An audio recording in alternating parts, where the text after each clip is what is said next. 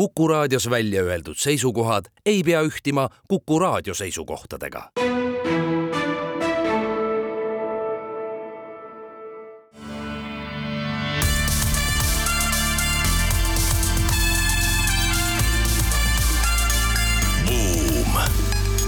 buumile annab hoogu SEB Pank tere päevast, head Kuku raadio kuulajad, on kolmapäev, kahekümne üheksas november, eetrisse läheb majandussaade Buum. Nagu alati, toome heade raadiokuulajateni põnevaid majandus- ja ettevõtlusuudiseid laiast maailmast. tänased saatejuhid on Raivo Vare ja Ott Pärna. uudisteploki algatuseks räägime teemast, mis on ringelnud juba terve Covidi järgse aja. nimelt tõmbavad firmad Silicon Valley'st Wall Streetini tagasi töötajatele pakutavaid hüvesid sama teema mõningase jätkuna räägime teise uudisena sellest, et tulevikukontorid on muutumas üha mugavamaks. ja rohemaailmast on uudiseid nii palju, et ettevõtted vähendavad esmakordselt oma süsinikukrediidi ostmise soovi ja huvi ja neljanda uudisena räägime sellest, eh, miks nii saab nii palju ebakompetentseid just nimelt mehi juhtideks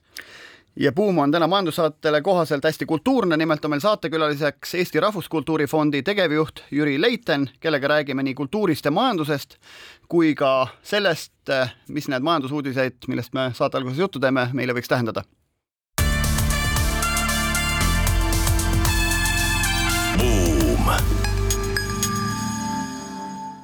Oleme eetris majandussaatega Buum ja algatuseks lubasime rääkida juba pikalt ringa, pikalt ringelnud teemast, nimelt siis firma Silicon Valley'st Wall Streetini, võib öelda Tallinnani, tõmbavad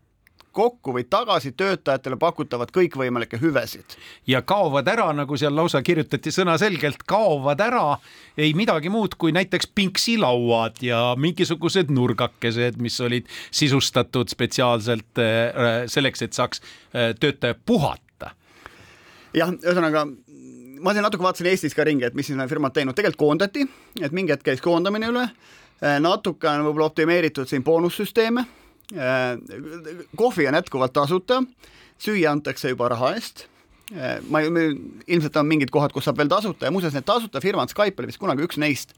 nad arvutasid välja, et kasulikum on pakkuda lõunat kontoris tasuta ja need inimesed on, teevad kauem tööd kui, kui nad nüüd in corpore lähevad, otsivad kuskil süüa ja tulevad tagasi. et ka sellises kohas, kus antakse tasuta süüa, oli mõte taga nagu majanduslik, mitte ainult siis hüve et, et hoida töötajaid enda juures, et nad ei läheks konkurendi juurde tööle. Äh, ma olen ka kuulnud mõningate landlordide puhul äh, nii-öelda, kes office eid välja rendivad, et nad on teinud teatud kokkuleppeid näiteks nende majas asuvate toitlustusasutustega ja seal on äh, mõeldud need kokkulepped niimoodi konfigureeritud, et täpselt nii nagu Ott kirjeldas, inimesed ei, mitte ei lähe sinna istuma isegi nii palju, võib ka seda, aga võtavad sealt kaasa, haaravad kaasa ja tulevad kontorisse tagasi ja siis paratamatult tehakse tegelikult kont-, kontoris palju rohkem ka tööd, nii et see on kasulik. jah, ja seda nimetati mõnes, mõnel pool, eriti Ameerika Ühendriikides ka selliseks eksklusiivseks klubiks, kus sa siis nendes suurtes äh, tehnoloogiahiidudes töötasid, et sul oli see keemiline puhastus ja muud sellised asjad kõik nagu tasuta, et, et põhimõtteliselt kõik eluks vajalikud teenused, et inimene oleks siis võimalikult palju seal kontoris. aga see ei tähenda jah, et kõik see oleks koomale tõmmatud, näiteks spordihüvitisi jätkuvalt ikkagi pakutakse töötajatele ja, ja selles mõttes noh, ka, ka siin Eestis ei ole küsimust. aga pigem on nüüd Covidi järgses maailmas äh, teised asjad, mis on inimestel tegelikult olulised. ja pigem see töökorraldus, et ma noh, kodutöö versus kontoritöö ja, ja selle olemuse muutus on nagu olulisem kui, kui see mingi järjekordne hüve, mida ma siis töö juures olles ja sellel, selle tõttu, et ma töö juures olen, siis kuidagi see mulle osaks saab. aga seal on üks trikk veel, mis minu arvates on päris oluline, on see, et vanasti, kui käidi kõikide nende muudatuste eelneval ajal, käidi maksimaalselt tööl ja veedeti võimalikult palju aega tööl, siis nendel trikkidel oli palju suurem tähendus ja palju suurem efekt. nüüd olukorras, kus tulevad raportid, kus öeldakse, et äh, inimesed tulevad töökohta, office'isse, tulevad võib-olla iga neljas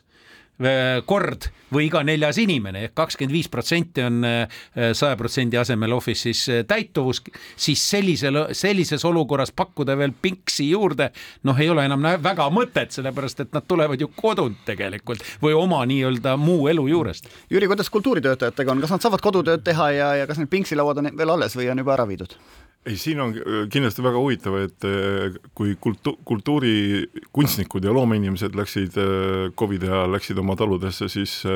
siis tegelikult tulid välja igasugused programmid, näiteks mis inspireerisid kultuurikorraldajaid palju laiemas areaalis, näiteks, näiteks programm,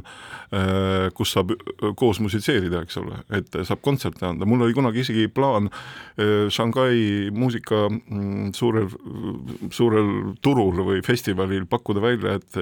aitab sellesse Hiina sõitmisest küll, et mängime igaüks omas kodus ja esineme Hiinas kontserdil, aga, aga see programm töötab nelja tuhande kilomeetri raadiuses, nii et, et see Shanghai puhul ei tulnud välja. aga sellised võimalused tulid välja, aga see, mis natukene muigama paneb ja mis mulle väga meeldib, on see, et, et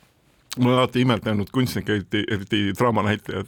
et äh, nii, niipea kui ta lahkub lavalt Hamleti osas, siis kulisside taga on tal male. et, et see ümberkehastamisvõime on nagu fantastiline ja see on tegelikult üks kõvemaid äh, noh, ütleme mingisugused rahustamis mm -hmm. maandajaid. Ma, maandajaid, eks ole, et ta tuleb, sureb seal lava peal ära, jõuab kulisside tagant ja siis teeb see Berta neli lööb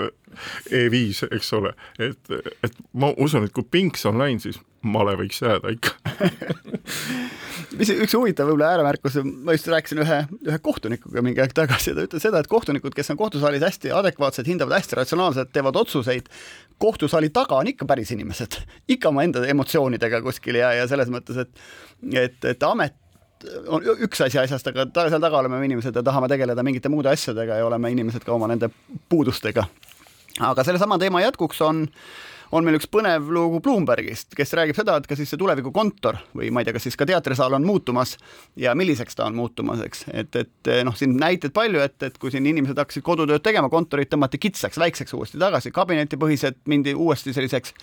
ühistööruumiks on ju, kus võib-olla kolme töötaja peale oli üks laud, eks. aga nüüd, kui need inimesed on kõik kontoris tagasi ja järsku hakkavad oma Zoomi kõnesid tegema, siis on selline kakofoonia seal kontoris ja, ja kuidas siis sellest jagu saada ja nüüd on siis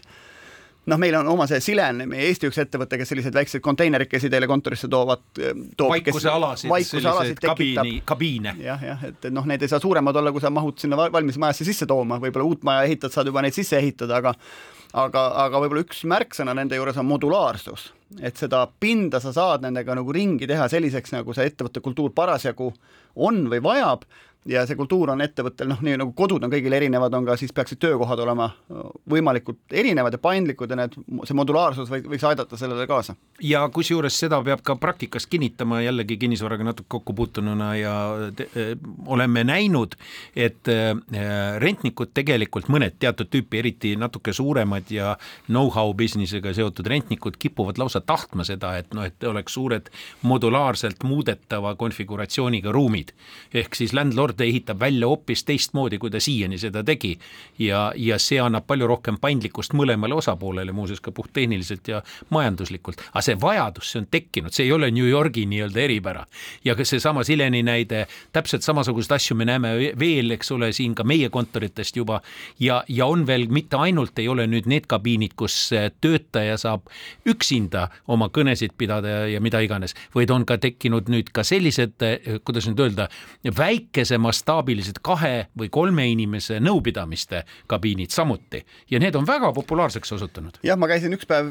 asjaolude kokkusattumusel Ülemiste City's ja nende kõige uuemas majas, kus all on väike botaanikaaiakene ja teisel korrusel istub EAS ja nii edasi. Alma Toominga see maja on väga, see väga,? väga ilus maja, ainult et inimesi pole sees. et jätkuvalt ükskõik kui kõusiks me selle asja teeme, neid inimesi kuramus ikka ei taha tagasi tulla, et nad leiavad sada põhjust, miks seal kodus olla. ja me võime töökoha teha koduks, aga ikka see inimene, kui tal on võimalus kodus olla, ta millegipärast on seal. et et, noh, see on väljakutse jätkuvalt. botaanikaaias on muuseas male ka olemas, aga millegipärast seal laua taga, ma käin seal tihti, ei ole ma eriti näinud kedagi mängimas. keegi ei julge mängida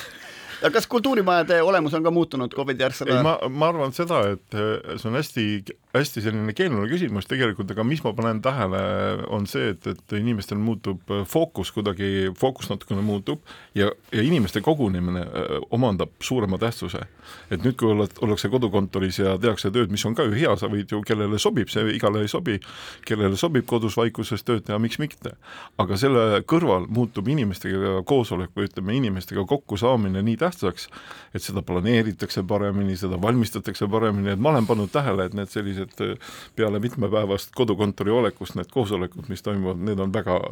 kuidagi väga tõhusad ja soojad. aga selle kohta ütles mulle üks raamatupidaja kunagi, et, et vaadake, mina ei taha teie tööandja pakutud seltskonda, mul on oma seltskond, kellega ma võin aega veeta, et töö juures ma tahaks tööd käia tegemas. et, et nii palju, kui on inimesel ilmselt on nii mõtteid. täpselt nii on ja, ja tegelikult on ikkagi, et kui see inimlik ütleme, see puude või ütleme, kontakt kaob ikkagi kollektiiviga ära või inimestega, siis ega see ka nüüd mingisugune väga hea asi ei ole teeme siia väikese pausi ja tuleme Buumi saatega tagasi.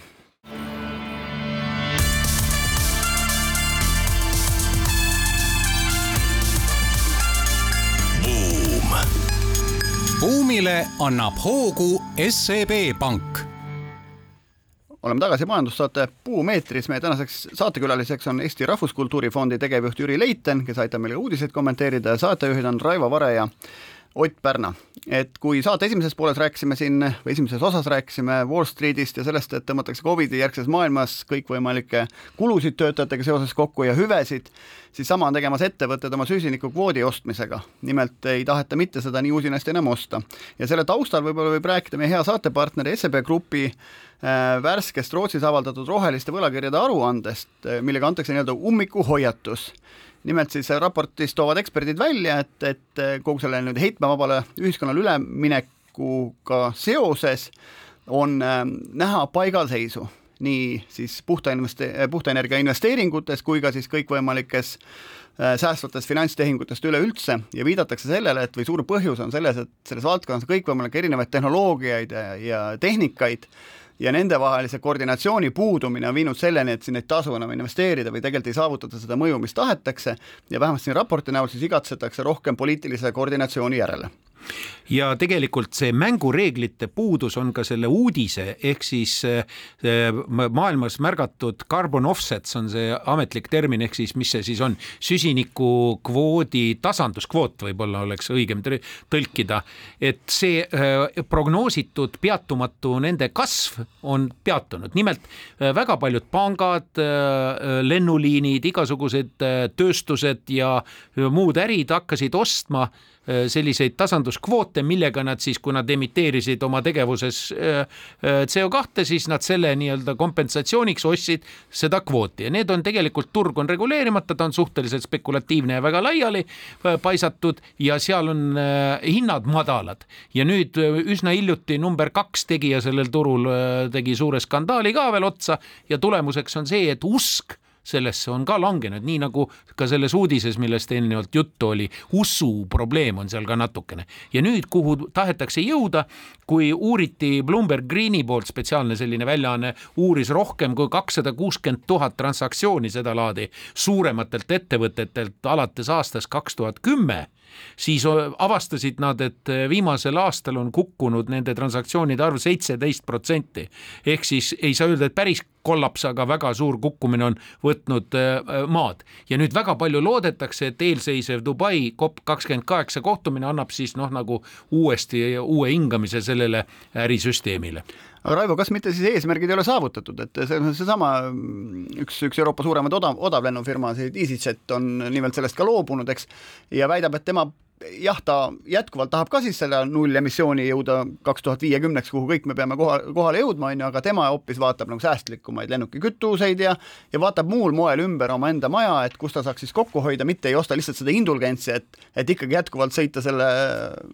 vanade lennukitega või? no tegelikult olgem nüüd ausad, nii nagu see sõna indulgents praegu kõlas ajaloolise paralleelina, siis siis teie analoogiana, siis tegelikult ongi tegu samasuguse protsessiga nagu omal ajal indulgentsidega, millest protestantism välja kasvas suunas. tegelikult olgem ausad, äh, väga palju on selliseid rohepesu võimalusi praeguses süsteemis ja see ongi seda usku oluliselt vähendanud ja ei ole tegelikult tõsikindlalt tagatud, et see kompensatsioonitegevus mis on ju tegelikult selle kvoodi taga. sa ostad kellegi käest, kes lubab selle eest midagi teha, siis et see tegelikult seda A teeb, B kui ta ka teeb, siis milles see seisneb. ja nüüd selle usu kõige suurem ja tegelikult kogu süsteemi kõige suurem filosoofiline viga, mis on ka Bloombergi poolt spetsiifiliselt välja toodud, kust see usukadu on tekkinud, on seotud sellega, et tegelikult ei ole nagu kindlust, et see äh, äh, juba emiteeritud äh, CO2 tagasi korjatakse, ehk siis teisisõnu müüakse küll indulgentsi, aga tegelikult kogus, emissiooni kogus ju sellest tegelikult ei vähene. Või ei vähene nii palju, kui peaks. Ja peaks olema niimoodi, et sa ostad tegelikult mitte seda, et, et keegi lubab midagi, vaid ostad seda, et see on juba tagasi võetud piltlikult öeldes seesama kogus CO2 ja see on nüüd see, kuhu poole tegelikult asi tõenäoliselt liigub. Ja seda nagu küsitlejad on väitnud siin ka, et, et nad on kuulnud seda nendelt küsitletavatelt suurfirmadelt, et see on nende plaan. Nad kas teevad ise seda või siis ostavad kelleltki, kes tõepoolest leiab võimaluse see tonn seda CO2 tagasi samasugune osta, nagu mina siin tootjana või tegelejana imiteerin jah, siin räägitakse ka, et, et ütleme, et kvoodid, mis müüakse, peaksid olema siis püsivad, neid peaks olema võimalik tõendada, need peaks olema läbipaistvad, et piltlikult öeldes ei ole niimoodi, et mina istutan kuskil metsa ja müün seda lubadust, et ma istutan metsa ühele ja teisele ettevõttele ja tegelikult olen sama lubaduse müünud mitu korda maha. et see on see tõendamise teema. Et aga kuidas kultuuri- ja muusikahoonete majade, majadega on, et te nagu, te seda krediiti ei saa osta, aga te saate nagu riigilt rohkem raha küsida küttearve maksmiseks, kas te ühelt poolt küsite siis rohkem raha või tegelikult vaatate kuidagi seda maja säästvamaks? ei no eks see on kindlasti probleem, et, et tegelikult on ju pikka aega olnud seesamane äh, teema kultuur, betoonkultuur, betoonkultuuris on ju tegelikult olnud valus, valus ju kogu aeg. ja mina ka isiklikult, et äh, ma ei ole äh, ma ei ole väga seda usku, et, et, et ehitame rohkem kontserdisaale ja kellelegi miski asi ei kõlba, et siin on väga palju variante olnud, et näiteks Soome dirigent Hanno Lindu ütles, et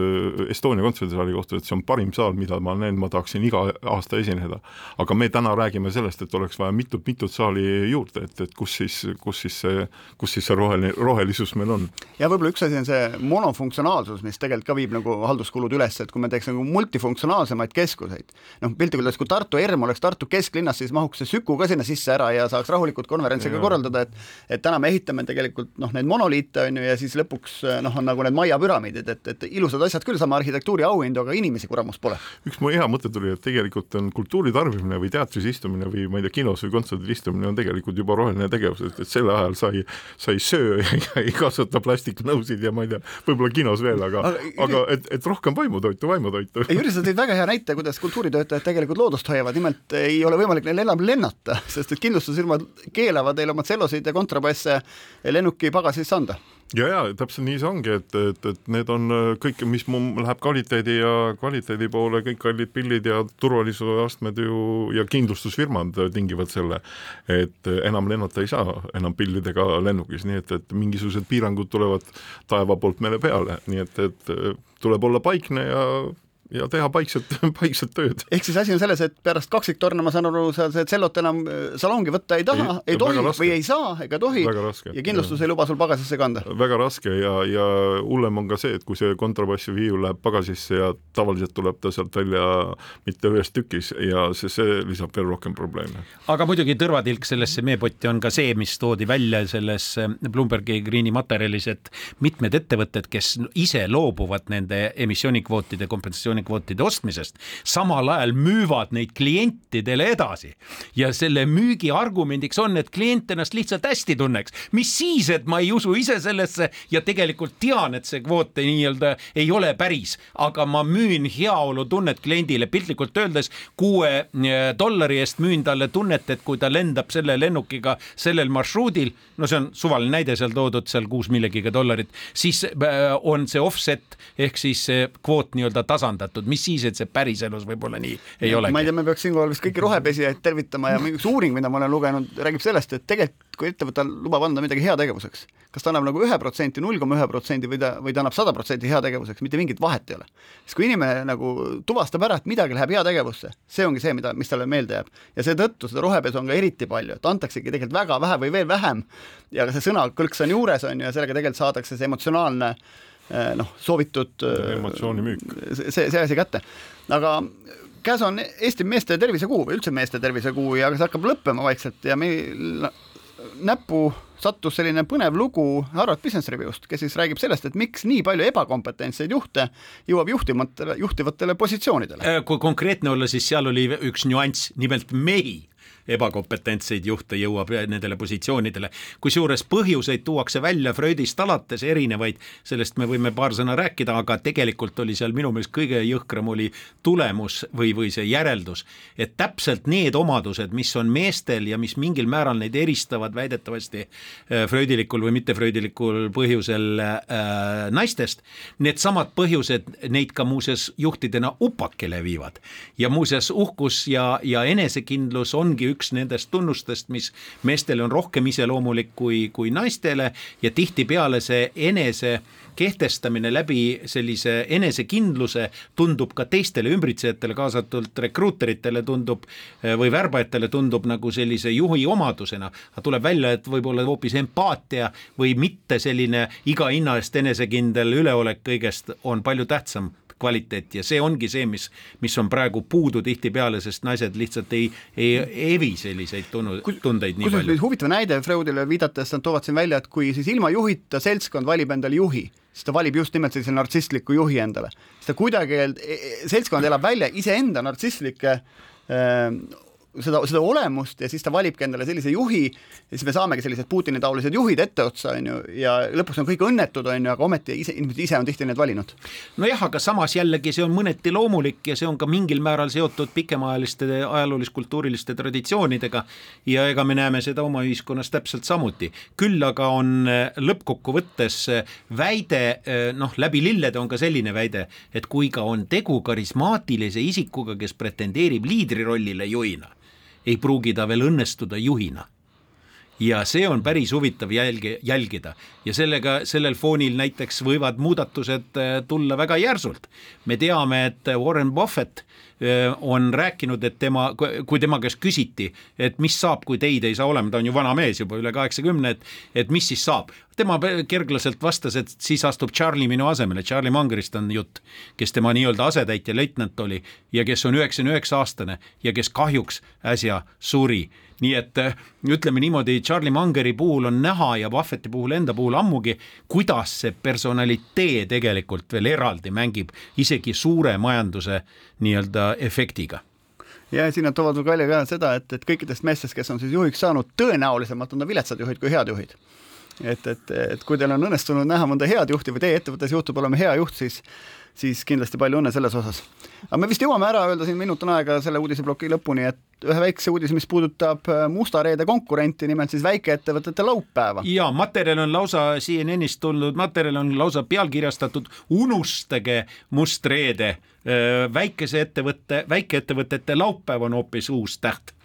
ja, ja siis on olemas veel küberesmaspäev. Ja et kui küberesmaspäev ja must reede on rohkem sellistele suurtele-suurtele ettevõtetele äh, noh, ma ei tea, ette nähtud või, või nende kassad, kassade täitmise päev, siis see väikeettevõtte laupäev on just, et mingegi sinna väikesesse ettevõttesse, minge sinna koha peale, ostke sealt midagi ära, et et sellega siis sellist kohalikku kaubandust, kohalikku ettevõtlust toetate. kusjuures märkimisväärne efekt, kui me arvestame, et tegu on ka väikeettevõtetega, näiteks arvutati välja, et möödunud aasta äh, vastav laupäev tõi sisse kaheksateist miljardit dollarit ja mingi mõne aja jooksul on üle saja kaheksakümne kuue miljardi dollari sisse toonud. väikeettevõtluse jaoks on see väga märkimisväärne märkimisväärne ja seda veel omakorda siis äh, match itakse või pannakse kokku veel ka selle Amexi poolt omal ajal käivitatud programmi raames ka veel krediidi äh, nii-öelda eraldi äh, krediidiliinidega, mis on väikeettevõtlusele ja see toetab omakorda noh, kõike seda väikeettevõtluse arengut. ütleme selle taga jah, kumab ka see, et ükskõik mis raha senikaua, kui ta on dollar ja roheline, käib küll, on ju, et selle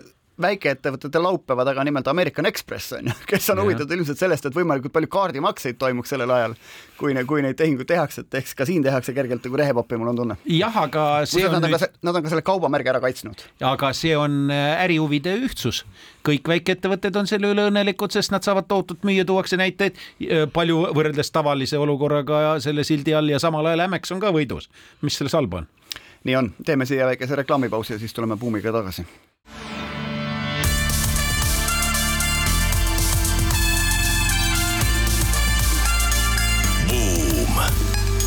buumile annab hoogu SEB Pank. jätkame majandussaatega Buum, saatejuhid on täna Raivo Vare ja Ott Pärna ja külas meil Jüri Leiten, Eesti Rahvuskultuuri Fondi tegevjuht.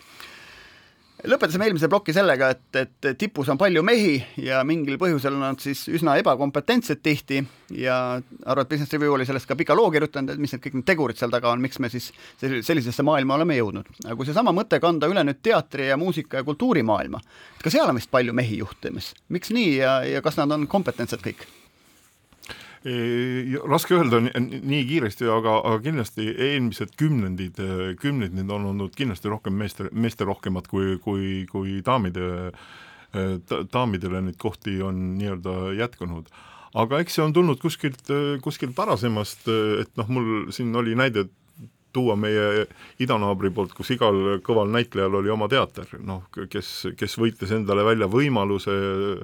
oma kuulsusele ja edule tuginedes luua oma teater, ega tegelikult ka täna Eestis väga palju on selliseid eh, huvitaval kombel, ma olin sunnitud eelmine, eelmine pool aasta lugema kokku, palju on näiteks Eestis teatri ütleme, juriidilisi isikuid, mida saab nimetada teatri. Neid on kuskil seitsekümmend see on täpselt sama palju, kui on, täpselt sama palju, kui on Moskvas teatreid, ma vaban-, ma vabandan, idanaaber pole väga populaarne, aga, aga see tähendabki seda, et me oleme jõudnud kuskile sellisesse, sellisesse faasi, kus äh, täpselt oli väikeettevõtlusest äh, juttu, et eks ole, väikeettevõtlus, see on mitmekesisus, eks ole. et täna ei ole, ma ei tea, näitleja lõpetab teatrikooli, et täna ei ole ainuke unistus saada Draamateatrisse tööle või Linnateatrisse, täna on unistus luua ise oma, oma teater või oma, oma oma, oma grupp, aga tundub küll eh, niimoodi, et, eh, et see tegelikult see maskuliinsus või see meeste võim eh, täna nii nagu ka poliitikas ja avalikus elus, et on muutumas, et ikkagi väga palju naisi on tulnud juhtivatele kohtadele ja ma arvan, et see tegelikult on ainult tervislik. aga mis on nende idanaabri teatritega juhtunud, kus need mehed on eest ära kadunud? Need on, need on, see on, see on hästi, hästi huvitav, huvitav probleem, et, et nad on väga paljud on sellises peataolekus ja, ja, ja tegelikult ikkagi otsitakse sellist isakest, uut isakest äh, tagasi endale. Sest üldiselt ega, ega kunstis ja loometegevuses üldiselt on ikkagi demokraatiast on nagu keeruline rääkida. ükskõik, oleme me idas või läänes. et äh, siin me võime ka Eestis ju koostada endale igasuguseid nõukogusid ja juhtivorganeid, aga üldiselt äh, need, kes on nagu tõelised tegijad, ma mõtlen loometegevuses, need väga ikkagi arva, kuulavad neid, pigem on vastupidi, juhtorganid kuulavad neid tegijaid, kui, kui tegijad kuulavad nagu juhtorganeid. aga kas see ei ole seotud mitte administratiivse nii-öelda võimekusega ja otsustusprotsessiga, vaid see on derivaat hoopiski see administratiivne pool sellest kunstilisest nii-öelda poolest, ehk siis tegelikult ju eelkõige värvatakse eh, kunstilisi isiksusi, kellel on nii-öelda oma väga selge käekiri, väga selged veendumused, väga selge nii-öelda loomeprotsess ja selle kaasnähtusena tuleb kaasa ka, kui ta juhtub olema juht veel, eks ole, siis ka juhtimises teatud probleemid sealhulgas, kaasa arvatud psühholoogilised isegi. ja just, just ja, ja tegelikult ega neid juhu-, neid juhuseid, kus need kaks asja on nagu õnnelikult koos, et on nagu hea juht ja, ja, ja kõva loome, loominguline tegelane, ega neid väga tihti aga ei kas ole. see on ka sellepärast, on väga tihti kultuuriasutustes on lahku viidud, on nii-öelda loomejuhid on nagu omaette ja nad on võib-olla kõige võimsamad seal nii-öelda oma positsioonilt mm -hmm. ja mõjukuselt, aga administreerimine on viidud piltlikult öeldes teatri direktori kätte kätte, kes siis nagu üritab seda igapäevast elu hoida. ja seal, ja seal on omad plussid ja miinused, sest tegelikult ongi nii, et, et ütleme, tegevjuht ei peaks nagu toppima nina loom, loomingulisse tegevusse ja vastupidi, aga tegelikult sellises euroopalikus traditsioonis on üks selline väike humoorikas ütlemine, et tegelikult kui asi läheb kriitiliseks, siis tegevjuht ikkagi otsustab, et eh, kunstnikele ei anta möllata. no see on sama, mida öeldakse, et inseneridel ei tohi lasta kuldplaatida kõike, mis nad teha tahavad. ja miks ülikool ülikoolid on tihti rektorid ja kantslerid, sest rektorid tihti on teadlased, meil Inglismaal Sussexi ülikoolis lausa näitleja oli rektor, noh, Ameerika president on ka näitleja olnud, eks ju. aga ma mõtlen, kuna kultuurijuhid ja mehed, et, et kas see põhjus ei ole mitte see, et sealt tegelikult tulebki läbi selle halli kivi minna kohati ja see mees lihtsalt tangina on võib-olla võimekam minema, mul tuleb siia meelde vist äkki see on Aivar Mäe tsitaat või vähemalt tema suust pärit, et et kui ta oleks raamatu järgi kõike teinud, meil poleks ühtegi kontserdima Eestis. nii on, see on ja, ja, ja noh, ma ei saa nüüd öelda päris enda kohta, et, et et ma olen samuti, samuti toiminud, aga ma tean, et Aivar ja, ja Paavo Nõgene, Paavo Nõgene on ka öelnud, et et kõigepealt ma ei loe, ma ei loe ühtegi raamatut juhtimisest ehk siis teisisõnu, seesama, mis me selles uudise kommentaaris leidsime, et see enesekindlus ja see valmisolek järjekindlalt ja jäärapäiselt toimida teinekord vaatamata ja vastuolus kõigega, mis, mis seda nii-öelda takistab või on ümber lükkamas, see tegelikult on ka pluss. Ja kui kultuuril on veel ka see probleem, et kultuur kipub nii-öelda natukene tihtipeale varju jääma eh, sellistes, kuidas nüüd öelda, majandamise ja, ja heaolu mõttes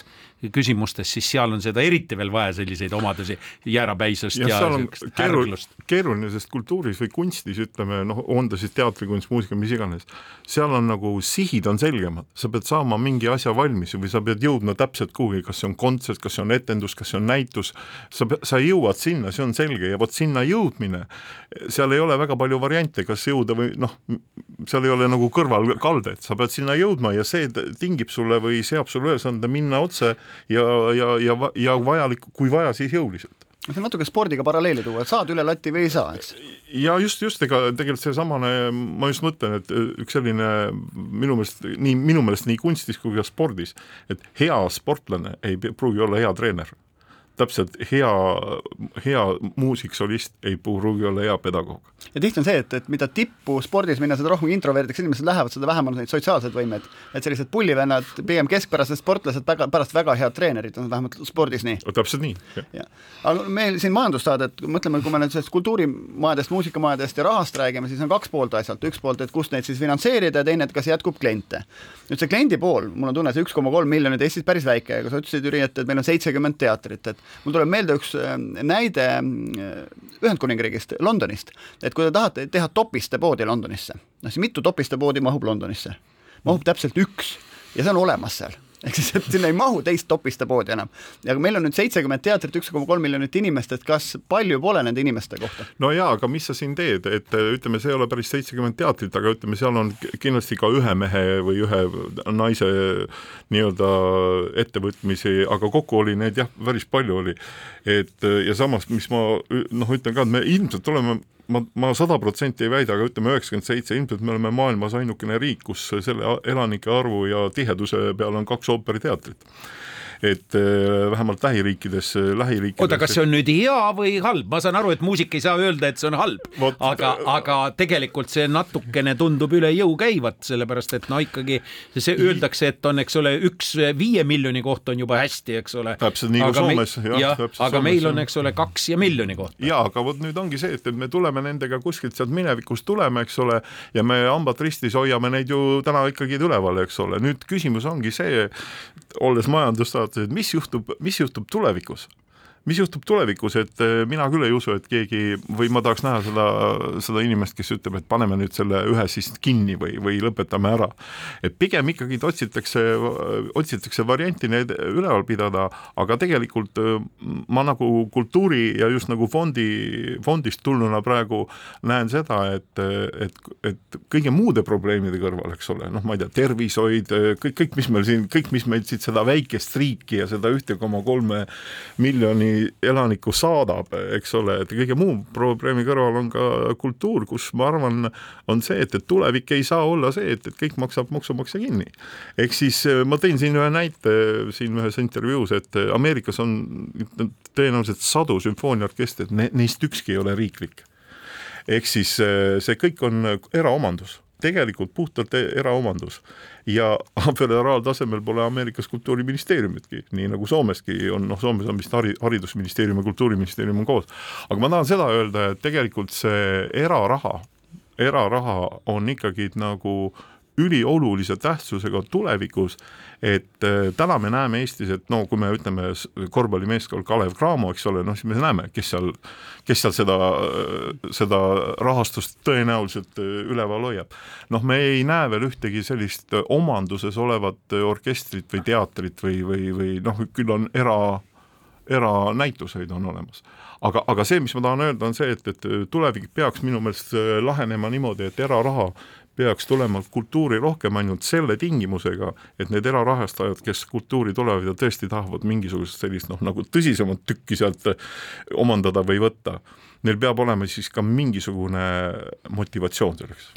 Seda motivatsiooni saab leida siis, kui kliendigruppi nagu suurendada sellest e e eestlastest või eestimaalastest laiemaks ja ma tean, on olemas selline indeks, mis hindab Eesti erinevaid maailma riike, tegelikult linnu siis nende sellise strateegilisuse olulis-, strateegilise olulisuse mõttes maailma majanduse tähtsuses. ja me oleme seal kuskil nagu tagaotsa pool linn Tallinnaga, aga üks äh, indikatsioon siis rahvusvahelisest linnast oli see, et seal on rahvusvahelised koolid, seal tehakse rahvusvahelisi otsuseid, toimuvad mingid konverentsid, ekspod rahvusvahelised, aga seal on ka ühtlasi rahvusvaheline kultuur. ehk siis sul on võimalik minna, ma ei tea, ooperisse, teatrisse, kus on repertuaar mitte eestikeelne. et äh, kas ja kuivõrd me sellist äh, repertuaari Eestis näeme või selliseid teatreid või, või kultuurikeskusi tulemas? mul on üks, mul on üks mõte olnud alati, kui ma olen rääkinud nende inimestega, kes, kes on laulupeo, laulupeoga seotud et äh, ma olen paljudele-paljudele välismaa oma kolleegidele tutvustanud laulupidu, neid kutsunud siia ja nad ei, nad ei, nad ei, nad sõna otseses mõttes nad ei saa aru, kuidas kõik võimalik on. Et kujutage ette, aga kui ma räägin nagu Eesti tegijatega, ma ei tea, heliloojate, dirigentide, siis kõik ütlevad, et see on nagu Eesti asi, noh, see on meie rahvus, püha, püha rahvuse asi, aga kujuta ette, kui laulupidu muutuks kahepäevasest kolmepäevaseks ja kolmas päev istuks sada tuhat välismaalast ainult äh, lauluväljakul. et äh, noh, see viiks, see to-, see viiks ja tooks meid ju, ju igas mõttes, viiks maailmasse ja, ja, ja, ja tooks, tooks siia palju sisse ju. me peame siia kohe väikse pausi tegema, kui me mõtleme Londoni West Endi näiteks on ju, et, et kas meil tekib Tallinnasse kunagi selline või ei teki? West End ei ole väga keeruline tekitada, tähtis on see, et, et West Endil, sellisel West Endi asjal peab olema oma stabiilne publik, me teame, et meil oli kunagi Linnahallis tehti muusikali ja kõiki asju, see kõik suri välja, nii nagu Linnahallgi. endine kultuurijuht Paavo Nõgene laevadega toob, aga teeme siia väikese pausi, siis tuleme selle põneva teemaga tagasi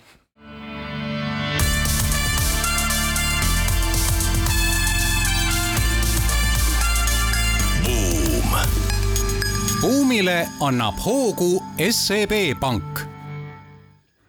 oleme tagasi majandussaate Buum otse-eetris. tänane saatekülaline meil Jüri Leiten, Eesti Rahvuskultuuri Fondi tegevjuht ja saatejuhid Raivo Vare ning Ott Pärna.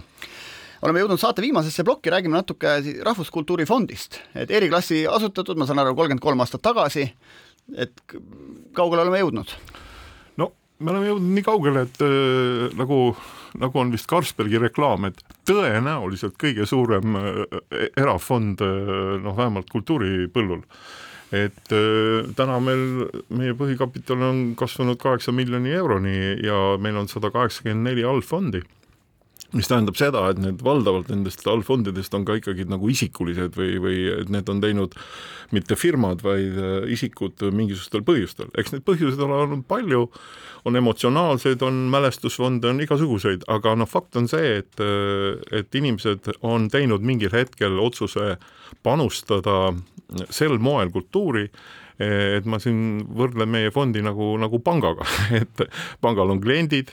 meil on, meil on allfondi tegijad, kes toovad, kes toovad oma raha, raha kasvab,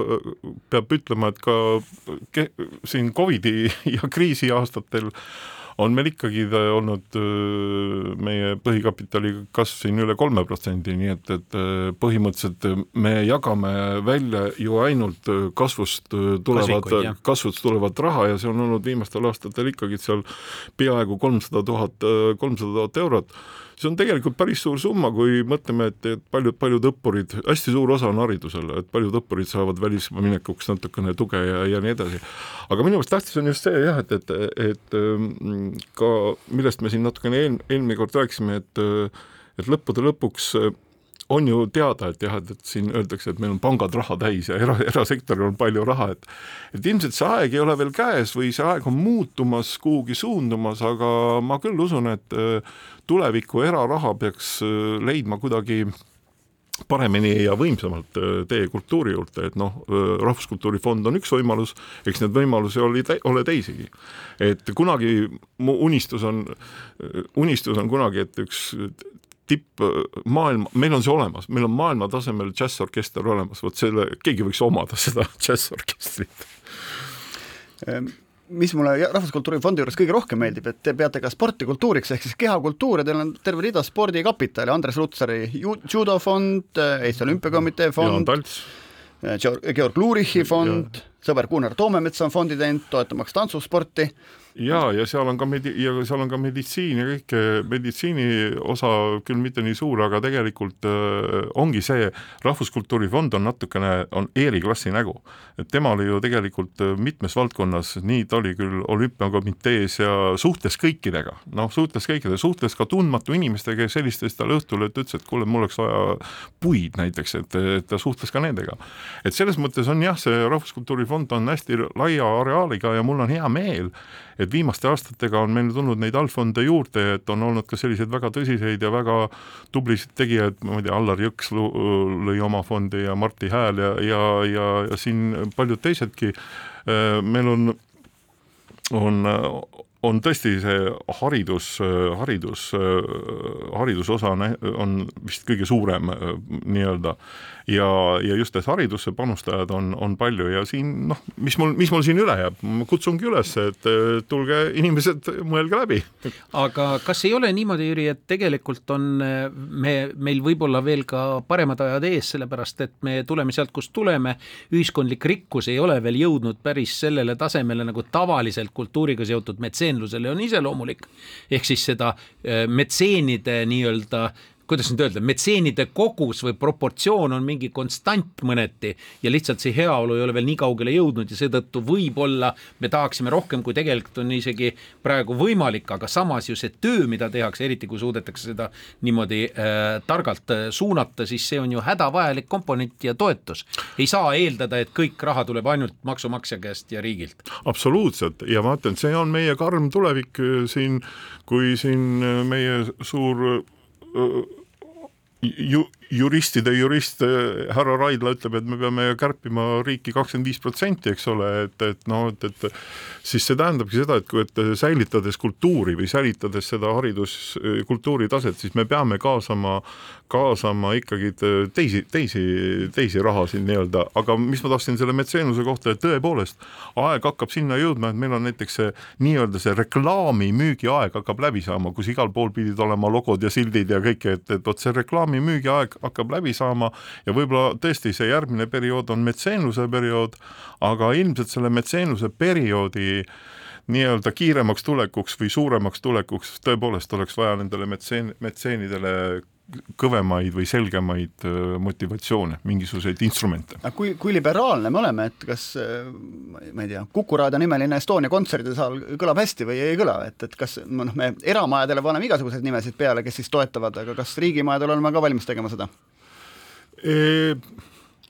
Vot, vot see ongi hea küsimus, et vot, vot see on, vot see on täpselt see, kus me praegu oleme. et Kuku raadio nimeline kontserdisaal, et ilmselt ta võib-olla iseloomustaks praegust aega, ma kujutan ette, et kümne aasta pärast enam ei paneks seda Kuku raadiot sinna, et paneks äh, mõne lihtsalt kontserdimaja, aga lihtsalt metseenide teaduses on see, see, see hea teadmine, et see on minu panustatud või minu tehtud, aga, pigem, aga mitte afišeeritud. see on pigem nagu, nagu väärtuspõhine toetamine, kui et ma tahan turundust teha. no ja. me oleme tegelikult näinud, see on legacy, see on, see on sinu nii-öelda panus, mis jääb sinust maha ka siis, kui sind enam ei ole. väga tihti on see teema metseenide puhul põhiline eh, vedaja või, või nii-öelda põhjus või driver. aga samas Ameerika Ühendriigid, ma ei tea, Sloani nimeline ärikool, eks, et MIT-s, et, et siiski see noh, kui see suur papp siis kuhugile antakse, siis see nimi kuhugile seina peale saadakse no see on, ütleme, see käib selline nagu allkiri paberile või ütleme, see on nagu lisaväärtus, aga näiteks ma siin toon veel ühe nüansi meie fondist sisse, et et kui oli noh, tõesti Eeri klassi sünni kaheksakümne viiendat tähistame siin järgmine aasta ja oli ka siin mõte, et kuidas jäädvustada Eeri, Eeri nime, et, et üks asi on tahvlid seina peal, eks ole, või, või kuskil kirjad kuskil, kuskil kõva asja peal. aga et me lõime, me lõime nüüd kolm aastat on olnud, meil on selline äh, selline ilusa nimega stipendium kui stipendium Estonicum eriklass, mille on siis saanud esimene Tõnu Kaljust, teise Jaan Undusk ja nüüd Elmo Nüganen. Et äh, seda luues nende ettevõtjatega, kellega ma suhtlesin, seal oli viis ette, ettevõtjat, kes selle, olid selle loomise juures. Ja just oli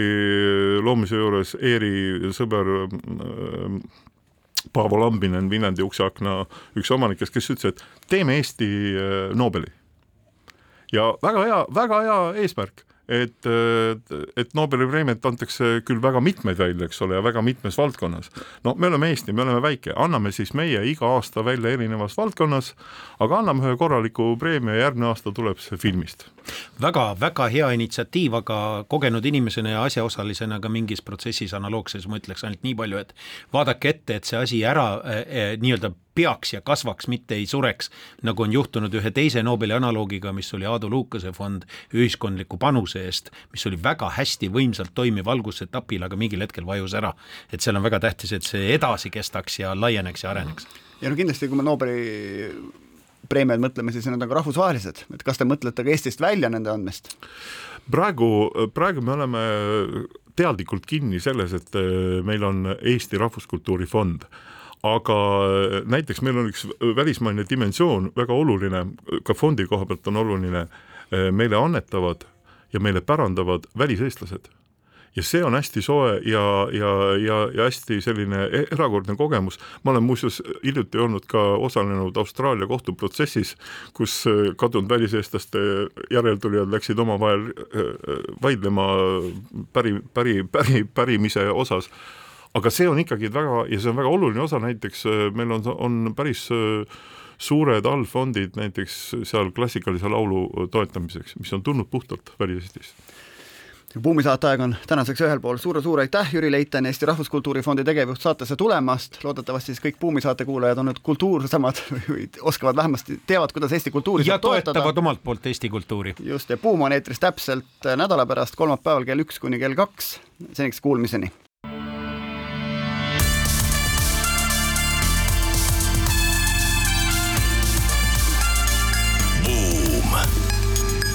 buumile annab hoogu SEB Pank